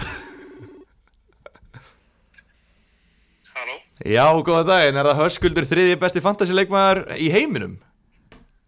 Það er hann. blessaður, hvað segirðu? Vissulega, ég segi bara allt ágætt. Er Það ekki, hvernig er að vera þriði besti í heiminum? Eh, bara frekar ótrúlegt eiginlega. Þú veist, það er ekki eins og ég geti planað þetta sko. Nei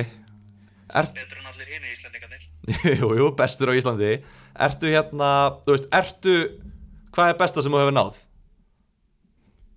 Eh, sennilega topp 100 úst, eitthvað svoleiðis. Ég er ekki með á hreinu. Já, já, heyrðu, shit Þetta er rosalegt Nei, þetta, þetta er draumur. Þetta er draumur Heyrðu, það er nýr liður, hörskulda viðvörunin Yes. Þú ætlar að vara okkar hlustendur og, og kannski helst Aron en, en okkur allavega, þú ætlar að vara okkur við því sem við eigum ekki að gera núna á næstunni Ok, sem sagt, uh, ég var með eitt reddi en, en svo sá ég, sá ég annað sem að mér fannst bara pínu farlegt og var að vaka við. Ok Þannig að því þetta er fyrsta skiptið þá ætla ég að gefa ykkur bónus samt. Ú, við elskum bónusson sko Yes, í fyrsta lagi þá er ég búinn að vera að hlusta á einhver svona podcast og svona og það eru ógeðslega margir að tala um það að selja Kevin De Bruyne og ég bara, ég skil ekki sko, hann er 50 mest seldi leikmaðurinn þessa vikuna ef að ég skil transfers out rétt Ok. premierleague.com Já, og sko, ok, hann er ekki búinn að skila uh, stigum síðustu tvö ránd fyrir utan það reyndar að þegar að þeir gerðu 0-0 jafntöfli við West Brom þá var hann samt bestur á vellinum já, og Klart. af næstu átta umferðum þá er kannski að spila við 1-2 CMR-lið í Chelsea og Everton annars eru þeim bara geggjarönn og hann er að fara hann er að fara að hala einn stig sko. þannig að við ætlum ekki að selja Kevin De Bruyne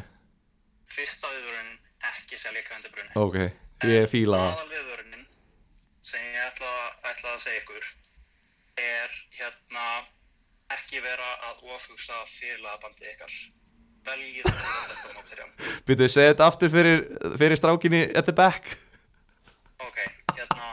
bara, ég ætla bara virkilega að vanda mig við þetta ekki ofugsa félagabandi ykkar Veistu hvað Aron gerði? hvað gera það Rún? Hann var með Sala sem fyrirliða og svo breytti hann á síðustu stundu hann ætlaði að breyti Bruno en hætti við og valdi Son frekar Já, ég, ég gerði það ekki Ég bara, ég stikkaði Og ég fekk svoleiðis svo mörg stig sko. Já, um, Bara þú veist, ef við tökum mitt lið sem dæmi sko, Sala er að spila á móti West Brom Og Grílis er að spila á móti Crystal Palace já, Og það eru kannski einhverjur að hugsa bara eitthvað Ok, Crystal Palace var að leka sjö mörgum á móti Liverpool já, og Big Sam er kominn í West Brom og hann ætla bara að breyta þeim í Prime Chelsea og, og fá sér 0 mörg á leiktiðinni með mitt en þeir eru að spila á móti Liverpool þannig að ef þið eru með Liverpool framherja veljið Liverpool framherja annars er Kevin De Bruyne að spila gegn Newcastle og þeir smell einhvern veginn alltaf eins og expect séu með það á botninum Já, þannig, þannig bara please ekki ofis þetta ekki ofugsa þetta Það er Sala kaptinn um helgina bara keep it simple Keep it simple Takk hérlega fyrir, fyrir frábæra viðvörun og við, við verðum í bandi yes. Takk fyrir þetta Gangið vel. Já. Og, og gleðilega hátt. Já, gerða Já, okkur sömuleiðis. Íslandinga stolt af jólin Gerðu það. Gleðilega hátíð, bæ Takk, takk, bæ. Tjöfull er ferskandi að heyra bara þriðja besta gæja í heiminum tjá sig Ætla, Hvern, Hvernig var að heyra þetta? þetta var náttúrulega bara það sem ég þurfti að heyra þetta var erfitt en bara ég vissi að ég þurfti að heyra þetta skilur Hefðu drepið okkur að hafa þetta í síðustu umferð. Í síðasta þætti Æ, það hefur verið betra Já. en, en já, herðu, ég var að fara í spurningar já, spurningar uh, um, Varst þú með það að ég? við getum bara taklað þetta saman Ég er svo tækni heftur hérna sko Hvernig var ekki spurning um Mares eða uh, uh, um, Örgulega, djúvill er þetta mikið að spurningum maður Ert að grínast? Ok, þú verður að stýra þessu Ég, Já. ég er svo lélugur að ég áttir að lesa þetta allt upp og eitthvað svona Þú verður Ok, að skoða ok, ok. besti miðmaðurinn fyrir max 8,5 þetta G- Grílis? Já. Já Jú, er það ekki? ég held það Jú, ég held að Ok, uh, við tökum bara allar pælingar varandi uh, umferðir 18 og 19 bara saman á eftir Já. Vist, Við ætlum ekki að tækla það eitthvað of mikið hérna í spurningunum Endum að því Já. Uh, Selja allar úr tóttina Um, nei en það tengir samt svo mikið umferð 18 og 19 og það er tóttina með að spila í umferð 18 Já, en ekki Liverpool og Manju og, og Chelsea og hinlegin Mhm, um, Nei, ég myndi ekki selja í tóttina ok uh, Já, á maður að henda auminginu Maris út uh, Rétt, það var að henda aumingjanum Maris út á maður að kaupa Kevin De Bruyne og Callum Wilson fyrir Kane og Maris Ég segi satt já við þessu, ég myndi frekar vilja vera kefðið bröður heldur en Kane Já, Já, jú, ég ætla að breyta, jú, já, gera það ég held bara sko að þú, tal, þú, hann nefnir fjóra leikmenn hana og Mares er langsýsti kosturinn Já, þannig að það er af því að hann er að spurum hann út þá er eiginlega í- svar já já, jú, myndi ég segja, jú, sammála svona það eru rökin uh, fyrir utan sala hvaða le leifupúlmenn ætti maður að kaupa Robertson já, og svo mögulega Trent eða fyrir mínu já og, og Kurt, Curtis Jones sem hann, þú veist er að reyna að búið til peninga Ég veit ekki, ég, ég núna eftir og nú er ég með Robertson, Sala og Jones og ég er svona, ég þurfti ég að gera þetta þú veist, verði ég að vera vera... náttúrulega að nota leifupúl slott Einmitt, og og þeir núna- eru farnir að líta vel út einmitt og núna allt í henni er ég bara býtu fyrir mínu, Já. er það eitthvað pæling og ég er bara, næ, næ, ég er með Curtis Jones ég get ekki verið að pæla í því, þannig að ég er svona næ, nei, ég myndi örgulega freka að taka Oli Börk ef ég verið að gera þetta núna, sko Já Herru, Guðmundur Felixson Guðmundur Felixson, o- okkar besti maður hann segir ég þarf sala en ég er með þrjá gula í liðinu mínu hvort er meira forgangsmál um það fyrir alltaf eftir hvernig hann er að fara að losa fyrir Sala, Já. þú veist það, hérna, gerur ráð fyrir að það sé ekki gulu leikmaður það sé einhver svona fyrir eitthvað dýri leikmaður Já, þú veist, ég myndi Ég veit ekki hvort ég myndi losa Kevin De Bruyne fyrir Sala fyrir þessa umferð ef ég væri með þrjá gula mm -hmm. út af því að De Bruyne er líka alveg með háttak Já, já. Ég veit ekki hvort ég myndi losa Bruno Fernandes eftir 17 stiga umferð eins og þú gerir núna Já, Já, Nei, ég gerði það náttúrulega eftir blanka múti svipistrákunum sko. já, já. Ég myndi ekki, ég væri ekki að selja Bruno núna Nei, nei. Þú veist, að fyrir eftir því hvern þú væri að fara að selja Ég veit það ekki, svo við líka eftir því hver... Segjum, ba- segjum bara sonn Já, ég myndi selja svon fyrir Sala Já, Já, ég held að, jú ok Hvaða stræk er á að taka fyrir yngs? Hann verður helst að kosta minna uh, Erum við að fara að segja gamlega slúin eða? Nei, ég myndi segja þú veist, farðu ennþá neðar og taktu þú veist, Bamford ef þú ert með hann sem að bara, þú veist, rosalega margir eru með að J. Adams Já, þú veist, ég, er, ég er hugsaði það það eitthvað? Ég hugsaði gamlega Já. slúin Bamford Ég myndi, og J. ekki, ég Adams myndi ekki kaupa Karlo Wilson akkurat núna Nei. af því að násta þrjá er við leiki Já. en, þú veist, bara eftir tværumferðir myndi ég kaupa hann, skilur við Ég myndi ekki kaupa hann næstu fimm umfyrum út af hinn að tvær umfyrunar eru svo stektar Ok um,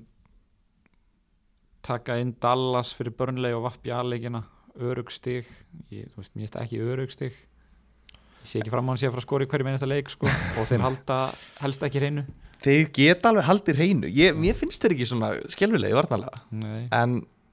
þú veist, já, já En þessi lið Burnley og Vappi aðeir eru svo sem heldur ekki þau upplöðu sig fram á við Nei, bara það að börnlega að skora tvö mörgum undir vúls, ég er bara ég skil það ekki sko Já. en já, ég myndi alveg, ef, ef hann er ekki með stærri vandamáli en það að að geta skipta einhverjum svona varnamennum þá myndi ég bara, já, klálega uh, Díaz, Bamford og Grelis inn fyrir Bellerin, Romeo og Werner uh, Mjess Þetta er held ég auðveldasta spurning sem við fengið Eh, Já takk Já, og þó að það þurfa að taka mínus fjögur stig uh, Er Kevin De Bruyne ennþá must have? Er þetta kallan must have þegar hann er með sko helmingin á stígunum sem að Sala, Son og Bruno eru með Já, um, Nei, hann er, ekki, hann er ekki must have já, En hann er samt mjög sterkur kandidat og það eru bara 25% sem eiga hann já Þannig að Þú veist Já, ég ætla ekki að selja hann allavega Hann er halda fyrir mér mm uh, Ég hef átt Kane frá upphafi tímubils er komin tími til að losa hann þreita eða meðsla hætta Er eitthvað meiri meðsla þetta hjá Kane heldur en öðrum? Ég veit ekki, hann alltaf fór hann aftan læri um síðast jól mann svona hefur verið vans, vandrað með öklan á sér en mér finnst bara prógramið þeirra of gott til að vera selja svona Kane Já, eins og þú segir, þeir spila þannig átjöndu umferð þegar fálið spila þeir eru samt að ströggla á móti liðum þú veist, eins sem og, liggja tilbaka já, ég meina þú veist, Lester eru bara þjættir og, og Mm. hérna, Krista Palas ég meina, þeir voru þjættir á móti þú veist, börnlegi og, svona- nei, kannski ekki börnlegi, ég veit það ekki þú veist, eitt mark í þessum þremur leikjum til dæmis, bara svona fljótlega já, já, Sem er þetta þeim, drög. þeim líður náttúrulega betur að spila mútið liðum sem að sækja á þá já, og um leiður komast yfir, þá, þú veist eru geta þeir, þeir bara leið já, tilbaka þú veist, Mourinho lið eitt nú yfir er Já. bara, bara malt og appelsín þannig að Já, ég, nei, nei, ég myndi ekkert vera að selja Kane eða þú veist, ég myndi ekkert vera að pæli eitthvað svona hann gæti meðist, þú veist, hann er ekki meiddur hann Nei. er að spila, hann Og- er að skora það geta allir meðist hann er búin að Veist. búa til eitthvað 20 mörk í 14 umförum bara, já, einmitt, það átti, get, ska, átti skallar rétti yfir um helgina þú veist, einmitt það geta allir meðist þannig að ég, nei, nei, ég myndi ekkert pæla í eitthvað þreytu eða eitthvað svona, ekki nema manni finnist maður sjá það á vellinum, ég hef bara ekki séð tóttunarleiki núna undanferðið nema það mútið Liverpool og hann var bara fýtt á sko já, herðu þá er það tvær spurningar frá þeim besta Ú, sá besti með spurningu já hann vil fá ráðgjöf frá okkur tveir og þetta er svona uh, segway yfir í næsta, næsta umræðu okay. hvaða spilataktík eða chip strategy ætlið þið að nota í umferðum 18 og 19 sjálfur er ég að pæla í free hit í umferð 18 og bench boost í umferð 19 PS prílið lifir Príli lifir, það lifir hjá fleirum það er gott að heyra, það er gott að heyra Já. um, ástæðan fyrir því að Gunni er að benda á þetta er að eins og margir hafa tekið eftir og eins og er búið að koma inn á grúpuna Fantasy Bræðar yfir þá eru umferðir 18 og 19 sem eru spilaðar uh, í janúar óhefbunnar og núna eftir áramót fyrir að detta inn þetta sem að gerist eftir áramótin þegar að stundum koma umferðir þar sem að lið spila ekki og stundum koma umferðir þar sem að lið spila tvísvar og er oft kallað á einsku double game week Double Game Week, við kallum þetta hvað? tvöfald umferð Tvöföld umferð Já. Það er rétt, það er rétt þannig að hérna eins og staðan er núna þá er umferð 18 eru 5 leikir og umferð 19 eru 15 leikir Já. þannig að það er þetta er nú svona nokkuð auðvelt fyrir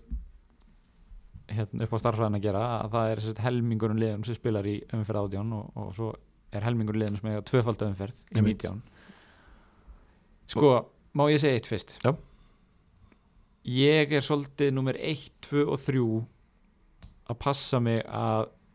vera ekki blindar af þessu þú veist, að leggja ekki of mikla áherslu á þetta Ég er bara 100% sammálaður já, 100% Mér finnst þetta allt of mikið núna já, uh, Að sama skapi, þú veist, ég vil líka segja að þetta er ástæðan fyrir þá sem eru kannski að fylgjast með þessu núna þetta er kannski fyrsta tímambili sem eru að fylgjast með fantabröðum eða eitthvað, þú veist, þetta er ástæðan fyrir því að við vorum, nei, við vorum þetta mest að því í fyrra, en við vorum að berja það inn í hausin á hverjum einasta leikmanni hvern einasta þátt í fyrra, bara ekki spila chipsunum og við sagðum að núna í byrjun tímabils, ekki nota chipsin býði með þau, þanga til að við fáum eitthvað svona, það mun alveg þú veist, schedule mun fokast upp og þetta er nákvæmlega það, þú veist, þa- þannig er hægt að gera rosalega mikinn skada með þessu, þú veist, þessu frí hitt þú getur frí hittað í umfyrir 19 og tekið inn bara leikmenn sem er að spila tvær umfyrir Mhm. þannig að þá ertu með 11 leikmenn sem er að spila tvo leiki hver einasti þannig að þú ert með 22 leiki í einni umferð Mhm. en í staðin eru menn kannski að fríhitta út af því að Salar kjá mútið City og Bruno ég er með eh, De Bruyne og Já, Salah, ég er með að það er- báða og það er einn meittur í já, liðinu og, og þú veist, og Bruno er að kjá mútið Sheffield ég ætla bara að fríhitta til að ná honum inn en svo Já. vil ég vera með Salah og De Bruyne já. þú veist, þetta er ástæðan Um, uh, uh, um, já, hvað ert þú fann að hugsa strategið fyrir þetta? Þú veist, Já, ég, já, já það er, það er, Við höfum fjög, eins og núna Ég fæ fjögur transfer, það er fyrir, fyrir umferð 15, 16, 17, 18 já, Og eins og staðan er núna er ég með Held ég Átta leikmenn sem er að spila Í umferð 18 ok, Ég held það Eða kannski ekki 6, 7 teljum upp bara að þetta eru svo fái leikir að það er hægt að telja það upp Já, sko, Sheffield United Newcastle, mm ekki sexy Wolves Everton nei, þú veist erfiðu leikur erfið leikur Gæti farið 0-0 já, eða 1-1 uh, Manchester City Brighton og Geggjaðu leikur Aston Villa Tottenham eru svona kannski þeir leikir, tvei leikir sem að maður er að horfa til að vera með einhverja leikmann í Já Og svo Arsenal Crystal Palace sem hann langar ekki að vera með neitt Nei, út af því að hann geti farið hvernig sem er já, og mestalagi Vilfríð Saha myndi ég segja. Já Eða Aubameyang, þú veist já, En já, hann er samt bara komið með hvað tvö mörka tímabilin eða eitthvað þrjú já, er eitthvað mittur núna Þannig að þú veist, ástæðan fyrir því að ég er ekki Já, nei, ég er með fimm leikmenn mm. Þú veist, ég, ég myndi bara skoða, skoða hvað er maður með marga leikmenn í umferð átján Og ef maður er með kannski 11 leikmenn í þessum liðum Þá er það bara fínt, þá þarf maður ekkert að pæla neitt í umferð átján Þá þarf maður bara að Nei. pæla í umferð 19 já, og þú veist, þá er kannski fínt að kannski væri fínt að vælkarta eða nota trippulkaftein eða bensbúst eða fríhitt eða eitthvað er ekki líka mikilvægt að taka fram að það er ekkert að nota fleiri en eitt spil í einu Jú. þú getur ekki nota wildcard fyrir umferð 19 og nota síðan benchboostið í umferðinni Já, þú vilt kannski bara klára leikmennina þín í umferð átján Já. og skipta svo alveg um lið Já. og fá trippulkaftein, það er ekki hægt Já. Mhm. og það er vælkartið er talið sem chip þó það sé ekki einn af þessum þremur þú veist, chipum Já. innan gæsalappa. Já. en svona, ef við bara, þetta þetta er rosa flókið en þumalputtareglan er það sem að sá besti ætlar að gera það er að fríhitta í leik- umferðinni það sem eru fáurleikir Mhm. og taka þá bara inn leikmenn sem þú myndir aldrei vilja kaupa kannski, þú veist, Matt Ritchie kannski Já. eða, eða Ma- bara markmann í Newcastle eða já, eða Bernd Leno kannski Já. eða eitthvað, já, eitthvað svona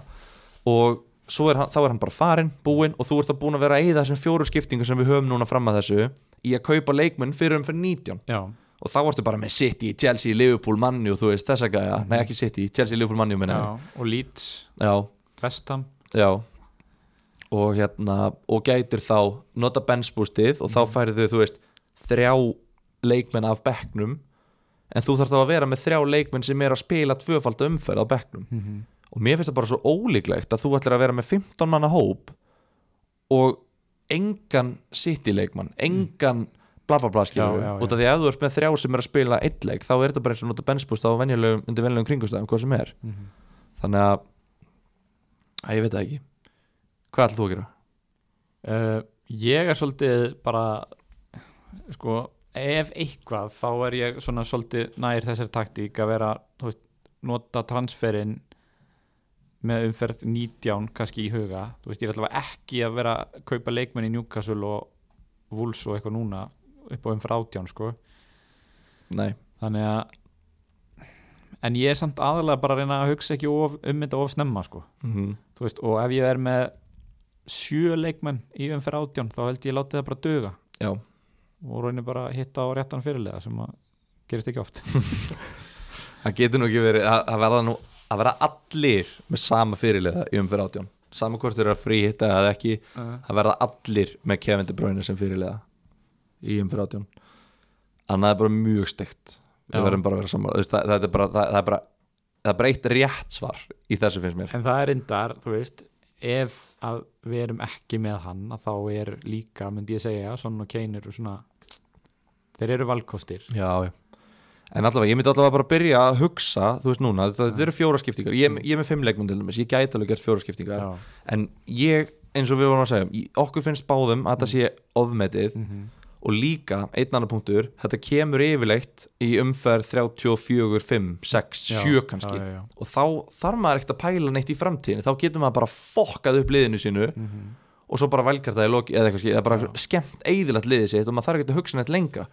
ég vil ekki taka núna þessar fjórar umferð eða ég held ekki, kannski vil ég það en mér lík, líkar illa við hugmyndunum að taka núna fjóra skiptingar til að kaupa alla í Game Week 19 já, já, og eiga bara sturla liði Game Week 19 fríhittaði Game Week 18 og vældkart, en þá er liðið mitt ónýtt í Game Week 20 og framvegis, Mhm. þannig ég þyrfti þá að vældkarta og fá aftur ja- ja- jafnvægi já, já, já. og mér finnst það bara svo mikið eftir að tímabilun emitt mér, ég ránaði með liðið mitt núna, mér finnst gott jafnvægi og allt þetta Mhm. ég vil ekki eigða vælkartinu mínu, setna vælkartinu mínu núna út af því að það mun koma önnur double gaming, það mun koma önnur blank gaming Já. kannski ekki, ekki eins mikil og þessi Nei, og við vitum uh, hérna, það sem við vitum er að umferðið 26 og 33 verða óhæðbundnar já, ég er sem ekki búin að kynna mér eitthvað svo- þú veist, alveg details hvort verður með færri leikjum og hvort verður með fleiri en hérna ég held að úslita leikur deildabikarsins hafi verið færður fram á vor já, og verður þá í umferð 33 sem þýr að verða færri leikir þá og hérna og þá vantilega fleiri leikir hann í 26 og City, United og Aston Villa eiga öll eftir að spila fyrstum fyrir hana og Burnley Já, já, ok, Já. já. Bara, já, þú veist, þetta þetta- þetta eru þrjú juicy lið skilur, Já, já, já. sem eiga öll eftir að spila fyrstu umfyrirna sína þannig að ég og, já, Já. og Newcastle á eftir að spila leikin með Aston Villa, COVID-leikin sem var frestaður Já, þannig að Aston Villa get, við getum kannski sé bara triple game ekki Aston Villa Já. eða eitthvað mögulega, ég Já. minnst það mjög ólíklegt en ég ætla bara, ég ætla að býða Mm. út af því ég held, líka að við skoðum bara eins og, eins og Gaming 18, þetta eru leiðilegi leikir erfiði leikir Ge- þú veist, Liv- Gaming 19, tvöföldumferð Liverpool mannjú, það er ekkert brjálaðslega mikið advantage fyrir til dæmis Sala og svo eigaði Burnley líka heima Já, það er frábært en þú veist, þetta eru bara Leopold Manni og þetta eru bara tvö auka stig handa Sala og tvö auka stig handa Bruno og, og, þú veist þessum mögulega já, já, fleiri já, já, já, já. en Manni hefur yfirleitt verið að gera bara 0-0 jafntöfli í þessum stóru leikjum Já, Vestam eiga Vestbrom heima og uh, Burnley heima Já, þannig að varnamenn í Vestam og Susek Já. getur verið eitthvað Bóen mögulega Antonio verður kannski komin Já, en já, ég ætla allavega til að bara svara þessu, ég ætla að ekki pæla í þessu eitthvað mikið, ég ætla kannski að reyna að kaupa 2-3 leikmenn fyrir, þannig að ég sé kannski með 8 spilandi leikmenn í Gaming 18 mm svo finnst mér mjög líklegt að ég fríhitti í Game Week 19 og taki inn bara leikmenn sem eru með hérna tvöföldumverð þannig ég sé Ok. bara með 22 leikmenn með tvöföldumverð Mm. og ég þarf að mjólka þá umferð af því ég held að verði ekki eitthvað hægt að mjólka umferð átján eitthvað mikið nei, ég er sammálaður Líka, þú veist, við höfum oft talað um að, að þetta að spila fríhitin í umferð það sem eru fái leikir og þessi þarna, þú veist, þetta eru bara ekkit djúsi fantasy leikir Nei, Þrýra þessum leikjum eru ekki djúsi þannig að maður vill ekkit vera sanga þessi leikmönnum, þrejum leikmönnum úr, úr þessum liðum einmitt, ef þetta væri City Brighton, Já, Manju hérna, Leeds og Liverpool Sheffield þá væri maður bara Sala, Firmino, Mane De Bruyne, Jesus bara tróða liðinu sko en það bara, við getum það bara Já. ekki og þetta er ekki þannig leikir En herru, til að loka þessar umræðu uh, langar mig líka að tala um umferð 16 sem er þar næsta umferð spiluð 28. og 9. desember en þetta er svo umferð þar sem að er, er, er reiknað hverjir komast inn í byggarinn Já, og það eru sérst, það- þetta stendur inn á síðunni þú veist, fyrir neðan rankimanns það Já. stendur að það eru topp 4.194.304 þjálfararnir mm -hmm. sem að komast í byggarinn og, og uh, hérna, flest okkar þekkir nú hvernig byggarinn virkar en, en þú, þá ertu bara að spila head to head við einhvern leikmann út í heimi mhm. og hérna og svo kemstu áfram með og vinnur Þetta er þess að topp fjórar miljónir Já. í umferðinni þar á undan þetta er ekki overall rankið þetta er bara í umferðinni þar á undan þannig að, í um- það, umferð 16 já, já, þannig að ef maður er að sökka og getur maður samt bara átt góða umferð 16 komist inn í byggarinn, mm. silt þessum byggar heim já. og teki bara svona eh, þannig tímabil og svo, svo er nú ef nú alveg þetta menn alltaf einbytti sér í deildinni já ég til þeir dæmis eru með ger, þunnskipaðan hóp og, já, ég til dæmis gera það í fyrra ég einbytt mér bara til þenni, Já. ég er bara sleppt því að kvalifæja en, ég komst ekki það er eins og nú, í byggarinn hérna, kannski bara það sem ég ætla að nefna að varandi mínustig já, að það borgar sig þá ekki að taka mínustig fyrir þessa umferð Nei. ef að byggarinn er eitthvað þú veist, þetta er bara svona pínu smáatri mm að hérna, þannig að í raun og veru ef maður ætlar að taka mínustig annarkvort fyrir umferðinu núna á annan jólum eða þá umferðinu þar á eftir þá eiginlega borgar sig að taka þau núna skilur við mig já, já, ef þú ert með kannski þrjár breytingar í huga og ætlar að gera tvær núna og eina næst að þá frekar að gera það heldur en að taka eina núna og tvær næst ef maður ætlar að fókusa á byggarinn já, sem að þú veist, þú þarfst að vinna síðan 20 umferðir í röð, skilur við alltaf hett og hett og þetta eiga bara basically 20 já. þú veist, og allt þetta, þannig að þetta er, þú veist þetta er bara til gammast þetta er náttúrulega, bara til gamans og, og kannski eitthvað sem borgar sig ekki ofugsa en það eru samt velun fyrir byggarinn, Já. og svo eitt í viðbútt þannig að við bara drekkjum hlustandi núna þess, í- á þessum þætti í nördaskap það eru jólin já, það er jólin, Já. er að umferð 16 er líka síðasti tækifæri til svona dvælkartið já, út af því að vælkartin nullast ekki að að það er ekki eitt vælkart fyrstu 19 umferðinar og eitt síðustu, ní- eða síðustu 19 Mm. það er bara fyrir og eftir áramót Já. þannig að þú hefur bara fyrir umferð 16 þannig að þú hefur í rauninni bara 15 umferði til að vælkarta fyr, fyrir kartinu og svo 23 til að vælkarta setna kartinu þannig að bara passa sig á því líka og þeir sem eiga vælkart eftir þeir geta náttúrulega stilt helviti skemmtilega upp fyrir þetta þessu umferð 18 og 19 já. vælkarta bara og tekið inn bara fullt af leikmunum sem eiga leiki um fyrir 19 taka bara þrjá lýtsara og tvo vestam og já, eitthvað svoleiðis Já. en, hérna, en já, þetta er bara eitthvað til að pæla þú veist, þeir sem er að fylgja hérna og þeir sem er að hlusta ennþá þeir hérna munu nördast í þessu sjálfur um jólinn hvort sem er hinn eru bara held ég sopnaðar Guðmundur Felixson er mjög líklega sopnaðar til dæmis og hérna og fleiri, en sá besti, hann situr með spert eiru núna fyrir norðan að prjóna og, og hlusta á þáttinn, ég veit það Heyrðu, erum við ekki bara tæmdir eða? Jú, ég held það, Þetta er þriðji dagskráliðurinn búið- já, hann hérna, við frestum honum hann Yes. verður í næstu, næsta þætti já, ætla hans að býða með hann en Herðu. þá, þá er bara ekkert, ekkert að vannbúna held ég nema bara að fara að setja hryggin í opn og, og dansa krigum jólaðri e, ég var að tala um ætlar að gera breytingar eða? mm, já, já, mm, alveg já, mm, uh, breytingar, ég sko liðið mitt er þannig að ég er með Mars og hann er að kjæða búin til Newcastle heima og Já. þú veist, þeir eru búin að vera svo lélegir í þessum tveim, eða þú veist ekki beint lélegir, en þeir eru samt ekki búin að nýta færin þeir, óeffektífur, já. já, já. og þú veist ég trú ekki öðru en að Maris komi aftur inn í lið heima á móti Newcastle, ef ég sel hann og ég veit ég var áðan að segja að selja hann, en ef ég sel hann núna og hann skora þrennu aftur, þá bara bilast ég sko Jólin ónýtt Já, eiginlega sko, ég er að pæli að halda bara Maris og vona það besta Já,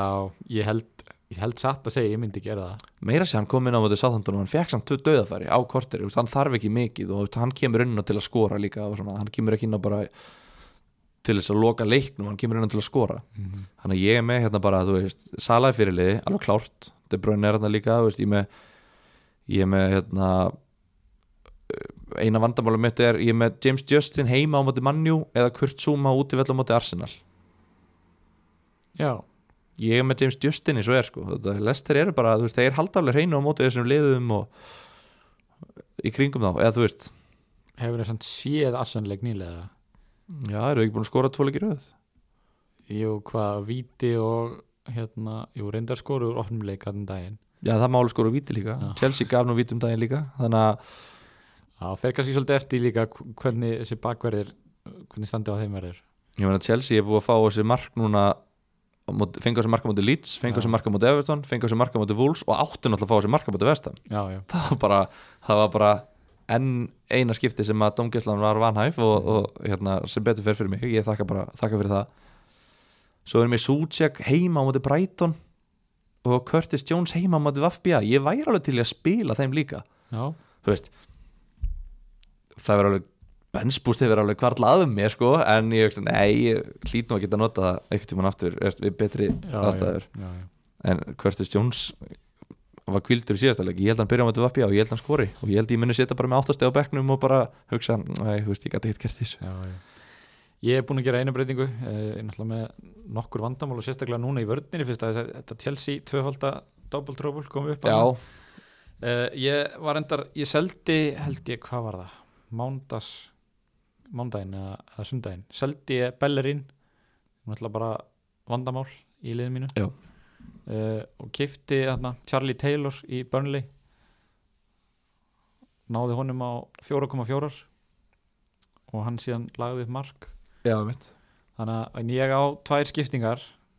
þessi, og búin að gera eina Eh, það er náttúrulega mjög augljóst að Sala verði fyrirliði sérstaklega eftir höskulda viðvöruna já, já, það er búið að vara við það er búið að vara mig við og hérna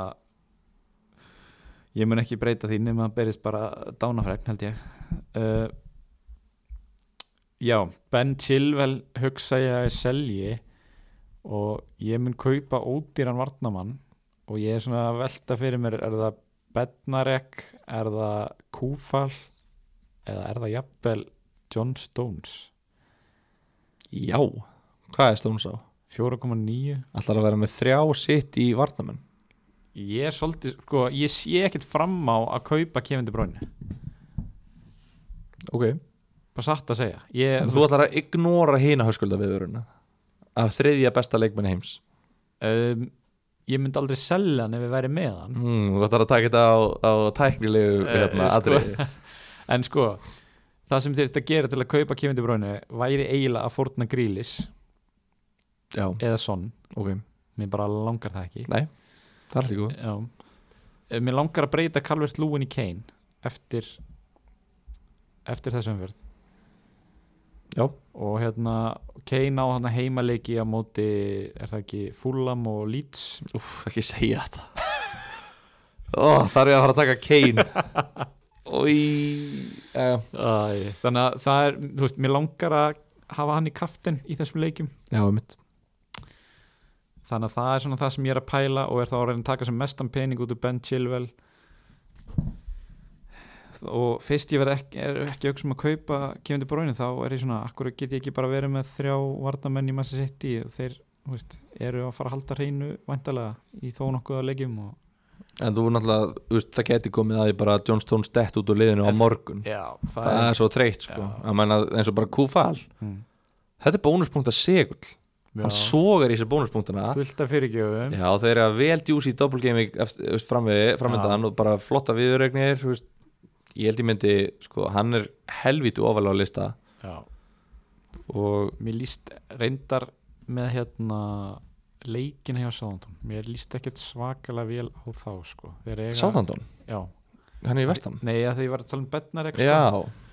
Að þeir eiga, jú, Fulham næst en svo Vestham og Liverpool og svo er þeir með blank þarna í átján og svo Leicester og Leeds Já, þú veist, ég get eil ekki keift Bednarek sko. það er kannski ekki geggja tímapunkti núna Nei. fyrir það alveg sammála því Þannig að Chilwell út og Kúfalinn er mjög líklegt All right, Herru, þá þökkum við kærlega fyrir uh, og bara viljum bara segja takk fyrir að hlusta og gleðileg jól gleðileg jól